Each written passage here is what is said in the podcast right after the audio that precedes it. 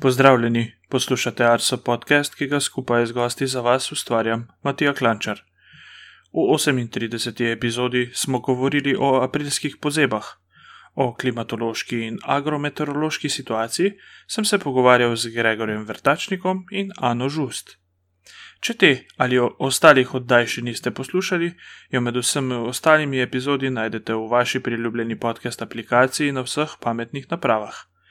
Najdete nas tudi na družabnih omrežjih, na Twitterju smo Mete vsi, na Facebooku pa smo Arso Vreme. Da bodo za nas izvedeli tudi ostali, nam lahko pustite kakšen komentar na Apple Podcasts, vse komentarje, pripombe in predloge pa sprejemamo tudi na elektronskem naslovu podcast.arso.afna.go.si. Kaj pa smo za vas pripravili v današnji epizodi? Začeli bomo, tako kot ponavadi, z vremensko uganko. V osrednji temi se bomo dotaknili spomladanske suše, ne bomo pozabili tudi na vremenske obete, na koncu pa bomo predstavili vremenske zanimivosti iz obdobja od 20. aprila do 3. maja letos. Pred 14 dnevi sem vas v vremenski uganki spraševal, katera vremenska ujma je prizadela ZDA pred devetimi leti. To je bil množičen pojav tornadov, ki je terjal več kot 300 življenj, povzročil kar za 11 milijard dolarjev škode. V dneh od 25. do 28. aprila 2011 je bilo potrjenih 350 tornadov, najhitrejši sunki vetra pa so dosegali hitrosti do 340 km/h.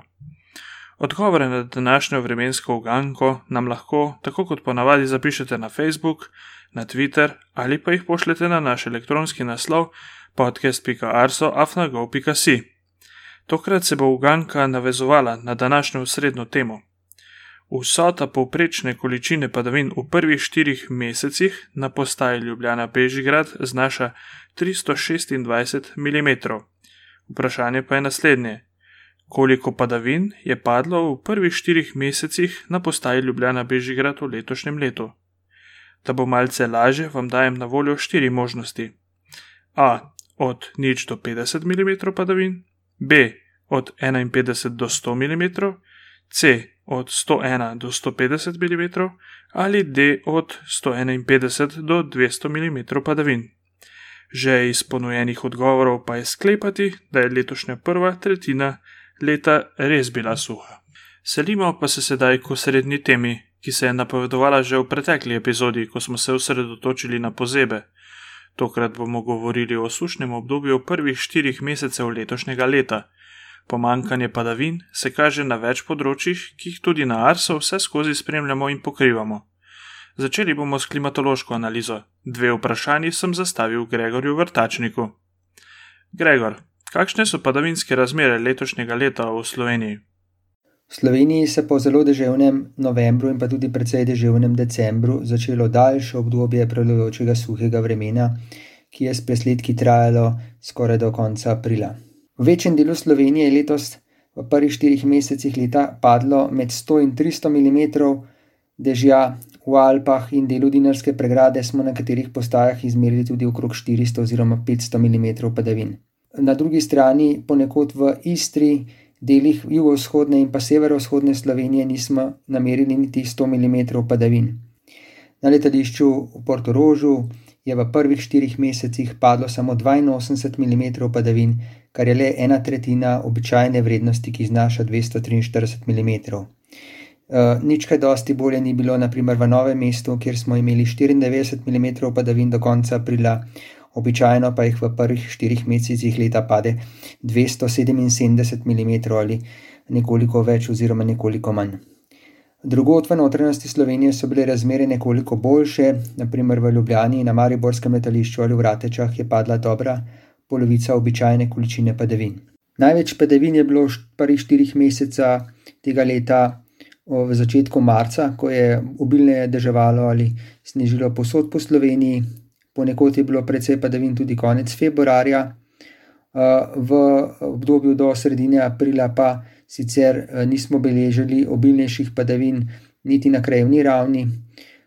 Prve obilnejše padavine so znova nastopile šele v zadnjih dneh aprila in v začetku maja. Ali smo mogoče imeli tudi v preteklosti kakšen podoben suh začetek leta? Če primerjamo letošnje podatke z podatki v preteklosti, ugotovimo, da je bilo posod po Sloveniji letošnjo, letošnja prva tretjina leta med najbolj suhimi doslej. V Ljubljani smo imeli uh, bistveno bolj suhe razmere le leta 1993, ko je padlo 121 mm padavin, letos smo jih imeli 187 mm. Uh, podobno na Mariborskem letališču leta 1993 73 mm padavin, letos 102 mm. V Novem mestu in pa na Portoroškem letališču pa tako suhega oziroma bolj suhega začetka leta, se pravi prvih štirih mesecev, še ni bilo. No, kot zanimivost, v Portorožu uh, je, sta bila dva meseca pred tem štirimesečnim zelo suhim obdobjem izredno namočena. Novembra 2019 smo imeli kar 276 mm dežja na tej postaji, medtem ko je dolgoletno poprečje 101 mm. December je bil sicer malo manj močen, padlo je 161 mm dežja, kar pa je še vedno skoraj dvakratnik običajne količine padavin. Tako imamo na eni strani torej izredno majhno količino padavin v štirih mesecih, če pa gledamo šestmesečno obdobje, pa imamo celo nekoliko uh, padavinskega presežka. Eh, leta 1993, ko je bila, ko je bila suša prav, prav tako ali še bolj izrazita v prvih mesecih letih, se je nadaljevala vse do avgusta, potem pa je sledila zelo deževna jesen, ki je posem odpravila tisto sušo. Leta 2012 smo prav tako imeli v začetku precej suhe mesece, maj je bil tak tisto leto dokaj normalen ali celo malo premokar, no potem pa se je suša znova vrnila oziroma stopnjevala v zelo suhem poletju in pa tudi seveda tudi vročem poletju 2012. Gregor je na koncu omenil sušo. Selimo se na področje agrometeorologije. Odgovore o začetku leta pa bo podala Andreja Sušnik. Razplet vremenskega dogajanja v prvem četrtletju letošnjega leta je spod podpovprečno padavinsko sliko oblikovalo resne sušne razmere v površinskem sloju tal. Te so iz zimskega obdobja preraščale v obdobje zgodne in polne pomladi. Že januar je bil izjemno suh. Komaj omemne vredna količina padavin je padla šele ob koncu meseca, a je mesečna količina padavin povsod po Sloveniji dosegla le okrog 20% dolgoletnega poprečja. Podoben vremenski vzorec se je ponovil tudi v februarju. Hkrati je bil februar tudi rekordno topu, kar je sprožilo izjemno zgoden vegetacijski začetek in sušenje tal. Prva dekada marca je bila sicer deževna, in je vsaj približno poprečila dotedanjo padavinsko sliko na severozahodu Slovenije, predvsem na Gorenskem in Severnem primorskem. V drugih delih države, predvsem na Dolenskem in Beli krajini, pa se je padavinski primankljaj še povečal na manj kot polovico dolgoletnega poprečja. Suho vreme se je na to nadaljevalo vse do konca aprila. Bilo je sicer nekaj prehodov hladnih front, ki pa so žal povzročile le težave zaradi nizkih temperatur zraka in pozebo sadnega drevja. Dežja pa je padlo le nekaj milimetrov. Na zahodu Slovenije, natančneje na obali in na severnem primorskem, pa v mesecu in pol ni padlo skoraj nič padavin. Kakšno pa je stanje z vodnim primankljajem v prvih štirih mesecih letošnjega leta? Skupni zimsko-spomladanski padavinski primankljaj je bil tako na pragu meseca maja največji v južnem delu Slovenije, še posebno na obalnem območju ter v Beli krajini na Dolenskem, kjer je padla komaj dobra tretjina običajne količine padavin. Drugod po Sloveniji dobra polovica, na Gorenskem in Notranskem pa okoli dve tretjini običajne količine padavin. Pomankanje padavin je zadnji mesec spremljalo povečano izhlapevanje, Zaradi pogostega vetrovnega vremena dnevno je iz tal in rastlin izhlapilo od 3 do 4 litre vode na kvadratni meter. So pa zadnje padavine kljub temu nekoliko spremenilo primankljaje meteorološke vodne bilance, to je razlike med padavinami in izhlapevanjem. Na območju z večjo količino padavin, v osrednjem in severozahodnem delu države, je tekoča letna meteorološka vodna bilanca od 1. januarja do 1. dni maja, začasno zopet pozitivna, ponekod celo beležimo presežke. Na obali pa je vodni primankljaj še vedno več kot 150 mm, Med 70 in 110 mm primankljaja beležimo na jugovzhodu in severovzhodu države, nekoliko manjši primankljaji pa so trenutno le v Beli krajini na srednjem Štajerskem. Kakšen pa je vpliv suše na rastline, se je po zadnjih padavinah stanje kaj izboljšalo? Čeprav padavine še zdaleč niso bile zadostne, pa se vseeno spremembe kažejo tudi v naravnem okolju in na kmetijskih rastlinah. Povsod tam, kjer je padlo več kot 20 mm padavin, se je začasno izboljšala zaloga vode v površinskem sloju tal in s tem tudi vodna oskrba rastlin. Zaradi nekoliko nižjih temperatur zraka se je zmanjšalo tudi izhlapevanje. Vpliv boljše vodne oskrbe rastlin smo lahko zelo hitro opazili. Ozelenila se je pokrajina, izpralo se je obile cvetnega prahu smreke in drugih iglavcev, divjega kostanja, cipresov in oreha tem času cvetijo tudi trave. Travne bili niso več ovele, sklop travne ruše pa vseeno ostaja redek, zaradi česar bo prvi odkos trave močno zmanjšan.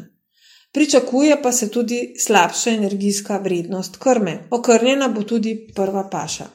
Vsaj začasno se je popravilo tudi stanje posevkov, tako v zimnih kot tudi jarih, Vlažnejša tla so primerna tudi za pripravo tal in setov koruze, kjer do sedaj tudi zaradi sušenih tal še ni uspela. Pridelava zelenjadnic na prostem še vedno zahteva dodajanje vode. Kakšen obrok vode lahko izpustimo le tam, kjer je dež površine zares dobro namočil. Tudi trajni nasadi, sadovnjaki, vinogradi, olčniki so nujno potrebovali dež, da bodo po pozebi lahko razvili in preživeli rodni nastavek, oziroma da bo ustrezna sanacija dreves potekala čim bolj nemoteno. V naravnem okolju se je zmanjšala tudi požarna ogroženost. Po dežju so ozelenili tudi gozdovi, predvsem pa so si opomogla mlada drevesa in podrast.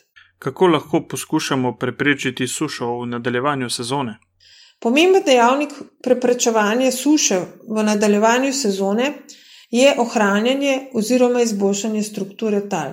Na to lahko vplivamo s pravilno obdelavo. Okopavanje in druga obdelava tal med rastjo nam pomaga vzdrževati strukturo tal, obenem pa z razbijanjem oziroma zamašitvijo talnih razpok preprečujemo izhapevanje kapilarne vode iz globih plasti tal. S tem odstranimo tudi plevel, ki še dodatno odzema vodo iz tal, za ohranjanje vlage pa si pomagamo tudi z stirkami, kot so trava in slama, agrotekstili, folij in podobno. Na vrsti je prispevek Andreja Goloba, ki je povzel razmere na površinskih vodah. Kakšno je trenutno stanje vodnatosti slovenskih rek po zadnjih padavinah? V zadnjem padavinskem obdobju, ki sicer glede količine padavin ni bilo izrazito, in je trajalo nekoliko manj kot teden dni, so se pretoki večine rek vsaj enkrat povečali. Ponekod so reke narasle tudi v treh manjših valovih z umestnim upadanjem. Najprej se je vodnatost rek nekoliko povečala na severovzhodu in severozahodu Slovenije, kasneje pa po vsej državi. Trenutno beležimo na večini vodomernih postaj male pretoke, na manjšem delu vodomernih postaj pa so izmerjeni pretoki rek srednji. To so reke s povirjem v goratem in hribovitem delu severozahodne Slovenije, ter tudi reki Drava in Mura s povirjem v avstrijskih Alpah. Drugod po državi dosega srednje pretoke le še nekaj rek. Se pa vodnatost rek povsod po Sloveniji ponovno zmanjšuje in ta trend se bo po zadnjih napovedih nadaljeval predvidoma do konca tedna. Koliko bodo napovedane padavine vplivali na povečanje količinskega stanja rek, je še negotovo reči kaže pa ponovno na bolj kratkotrajno oziroma prehodno epizodo. Kot smo že slišali v preteklih dveh prispevkih, v letu 2020 daljšega obdobja s padavinami nismo imeli. Kakšen je ta vpliv na vodnatost rek v daljšem obdobju? Res je. Do zadnjih visokovodnih razmer, ko so se posamezne reke tudi razlivale oziroma so poplavljale, se je potrebno vrniti v konec leta 2019, natančneje v zadnje dni pred Božičem. V tistem dogodku je bila temperatura ozračja relativno visoka, sneg je tako padal le v visokih legah in reke so močno narasle. Od takrat so reke ponekod dalj časa upadale, tudi do dva meseca. Klimatološko gledano je ta pojav sicer običajen, vendar obstaja pomembna razlika, če reke v tem času upadajo zaradi padavin v obliki snega, ki lahko potem o postopnem taljenju ugodno vpliva na vodne zaloge spomladi, ali pa če je padavin nasploh malo. Naprimer, reka Mura je imela prav januarja in februarja, kljub upadanju, nadpoprečni pretok za ta dva meseca, marca pa je že dosegla pretok, ki je bil med najmanjšimi v tem obdobju, glede na dolgoletni niz podatkov. Nasprotno je bil naprimer pretok Vipave marca nadpovprečen zaradi krajših, vendar intenzivnih padavin v začetku meseca, vendar je zaradi pomankanja dežja potem v nadaljevanju in predvsem aprila tako kot nekatere druge reke, dosegla najnižje povprečne aprilske pretoke. Pri omenjenih primerih je bil torej vsaj posamezen del začetka leta nekoliko bolj vodnat, reke v vzhodni Sloveniji, recimo Krka in Savinja, pa sta dosegali podpoprečno vodnatost v vseh dosedanjih mesecih tega leta. Prav aprila je bila torej vodnatost rek najmanjša? Razlog je v tem, da se je tako stanje marsikje že stopnjevalo od prejšnjih mesecev. Glavni razlog pa je bilo seveda suho vreme. Poprečno je letos aprila v večjih rekah, kot so Sava, Soča, Kolpa in pa Krka, preteklo le med četrtino in tretjino vode, glede na aprilsko povprečje v dolgoletnem obdobju.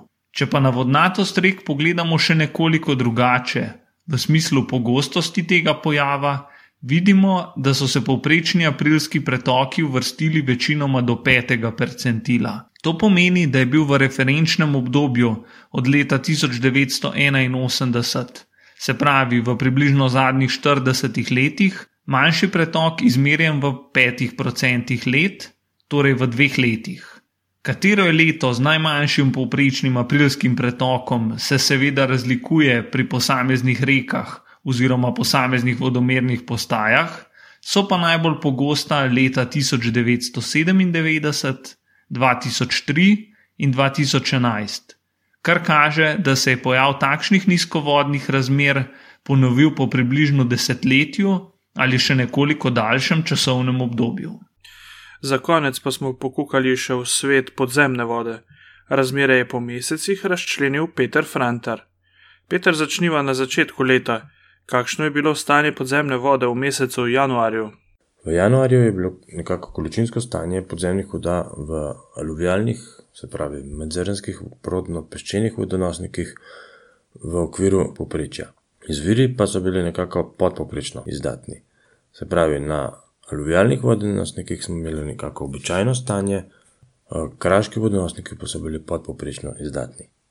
Poprečno izdatnost aluvialnih vodonosnikov lahko pripišemo uh, temu, da, da so bili ti vodonosniki v preteklih, v zadnjih mesecih leta 2019 nadpoprečno napolnjeni.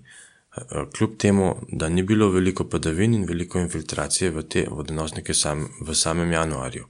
Seveda pa imamo tudi posamezne predele, kjer je bila napolnjenost medzrnskih vodonosnikov podpoprečna. To so predeli, ki so nekako v bližini rek z nizkimi pretoki in so torej bolj dovzetni za te spremembe.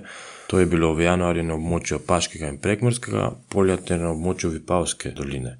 Nadpoprečno vodnatost pa smo imeli v januarju na območju Ptujskega polja ter na območju povezanim z reko Sočo eh, na območju Mirensko-Vrtojskega platoja. Se je kaj bistveno spremenilo v mesecu februarju?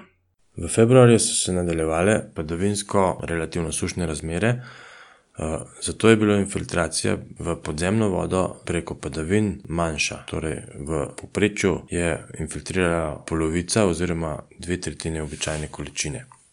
Kljub vsemu smo imeli na prodnopečenih vodonosnikih običajno vodno stanje saj se je količina vode ohranila še iz konca leta 2019. Pojavljati pa so se že začele večje razlike med posameznimi deli vodonosnikov, eh, predvsem tistimi ob rekah, kjer imamo večji vpliv neposrednega napajanja.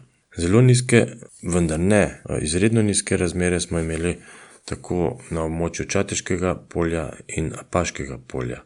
Nizke razmere pa eh, na območju prekmorskega polja, spodnje Savinske doline, Vodiškega polja in Sorškega polja. Tudi na izvirih se je v februarju zmanjševala vodnatost. Pretoke izvirov kažejo na to, da se je količinsko stanje kraških vodonosnikov v februarju zmanjševalo in je bilo že tako že drugi mesec zapored nižje od dolgoležnega poprečja. Vsi predhodniki so imenili padavine v začetku meseca marca. Eh, se je to prav tako poznalo na podzemni vodi? Tudi v marcu so se gladine aluvialnih vodonosnikov še naprej zniževale. Najbolj očitno je bilo to na območju Dravske, Murske in Krške kotline, ter na območju spodnje Savinske doline in doline Kamniške Bistrice. V območju normalnih vodnih količin pa smo imeli na, v marcu vodostaje eh, na poljih Vipavško-Soške doline, na Kranskem, Ljubljanskem in Vodiškem polju ter na posameznih predeljih Apaškega polja.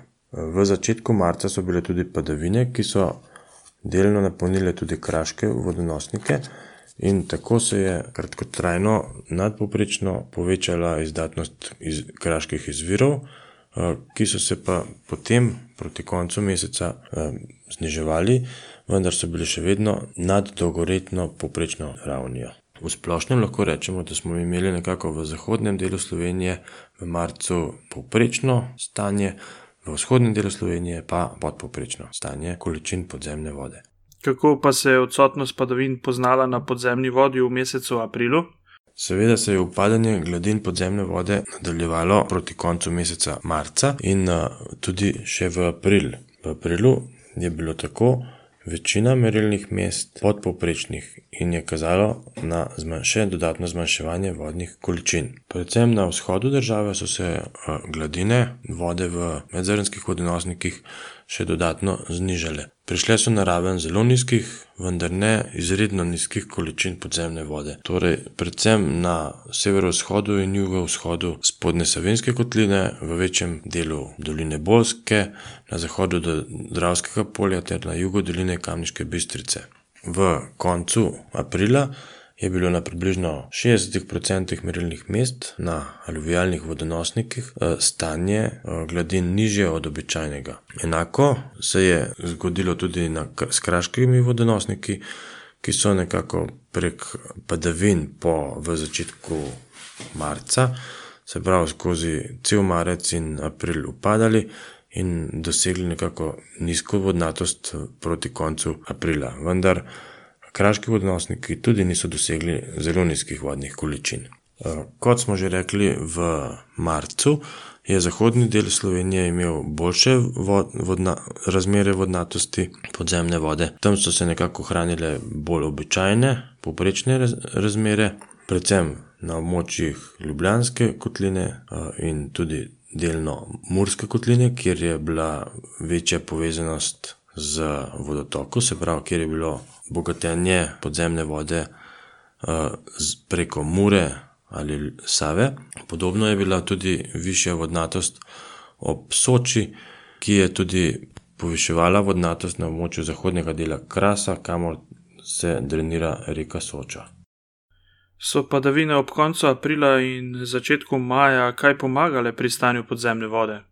Trenutno se je količinsko stanje na kraških vodonosnikih torej izboljšalo, Na območju aluvija pa bo preteklo še kar nekaj vode, oziroma bo moglo pasti še kar nekaj padavin, da se bo stanje količin podzemne vode izboljšalo in prišlo na nekako običajno raven za te letne čase.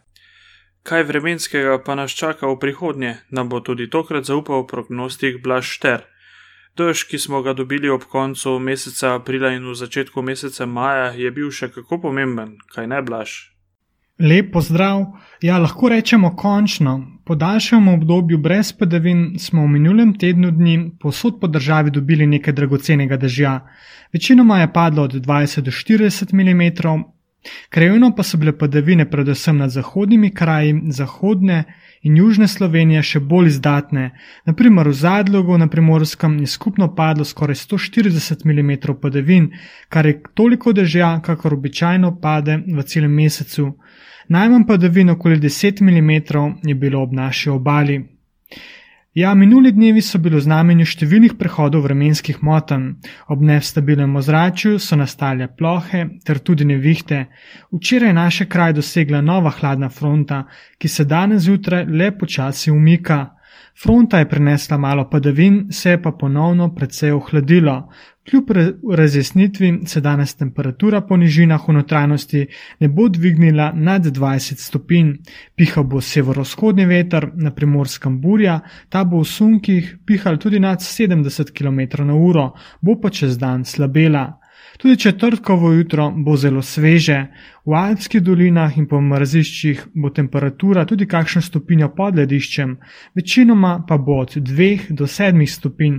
Topleje bo na primorskem in nekoliko višjih legah ter pobočnih legah bodo pa naši kraji vse do konca tedna pod vplivom anticiklona, ki se bo danes iznad severozahodne Evrope razširil proti jugu. Ta sistem nam bo prinesel toplejše in bolj stabilno vreme. Do konca tedna bo tako stabilno, se pravi brez padavin, le v nedeljo se verjetno za kakšno ploho že nekoliko poveča. Tudi dnevi bodo sončni in prijetno spomladansko topli. Že v četrtek bo najvišja temperatura po nižinah okoli 23 stopinj, v petek bo okoli 25, zapihal bo jugozahodni veter. Še za kakšno stopinje, stopino topleje bo v soboto in nedeljo, krepil se bo jugozahodnik, tako da tudi jutra ne bodo več tako sveža. Tam okoli 10 stopinj pričakujemo zjutraj. Veter bo izrazit, zlasti na vzhodu države. V nedeljo bo dele srednje Evrope že dosegla občutna sprememba vremena, hladna fronta, za njo bo tudi za okoli 15 stopinj hladnejša zračna masa. Zaenkrat je še negotovo, kako daleč na jug bo segel ta hladen zrak in količ, koliko časa bo ustrajal mora biti nad nami. Predvsej verjetno pa je, da bo začetek prihodnega tedna oblačen s padavinami. Glede na velike razlike v zračnem tlaku pa bo tudi vetrovno. Ledeni možje tudi prinašajo hladitev, o tem ali bo zadnja, pa čez 14 dni. Čaka nas le še zadnji del oddaje, ko bomo podcast zaključili z vremenskimi zanimivostmi od 20. aprila do 3. maja. Najvišja temperatura je bila izmerjena na postajah Novo mesto in na letališču v Cerkljah na Dolenskem. 25. aprila smo izmerili 26,4 stopinje Celzija. Najnižjo temperaturo smo izmerili 22. aprila na postaji Kredarica. Temperatura se je spustila do minus 7,3 stopinje Celzija. Najhitrejši sunek vetra smo izmerili na postaji Podnanos. 21. aprila so sunki dosegali hitrosti okoli 120 km/h. Največ padavin v enem dnevu je v obdobju od 20. aprila do 3. maja padlo na postaji Nova Gorica. 30. aprila smo izmerili skoraj 100 mm padavin. Zanimivo pa je to, da je toliko padavin padlo v kratkem časovnem intervalu nekaj ur. Za konec pa še podatki o najbolj sončnih postajah. Glede na preteklo obdobje so naše heliografske postaje zabeležile manj sončnih ur. V celotnem obdobju so jih največ zbrali na postaji Murska sobota 121 ur in 57 minut. Najbolj sončen dan pa je bil 22. aprila, ko je na postaju v Murski soboti sonce sijalo 13 ur in 19 minut. Z vremenskimi zanimivostmi smo 39. epizodo Arso podcasta pripeljali do konca. Hvala vam, dragi poslušalci, za poslušanje in pozornost. Obilo lepega vremena do prihodnič in se slišimo čez 14 dni.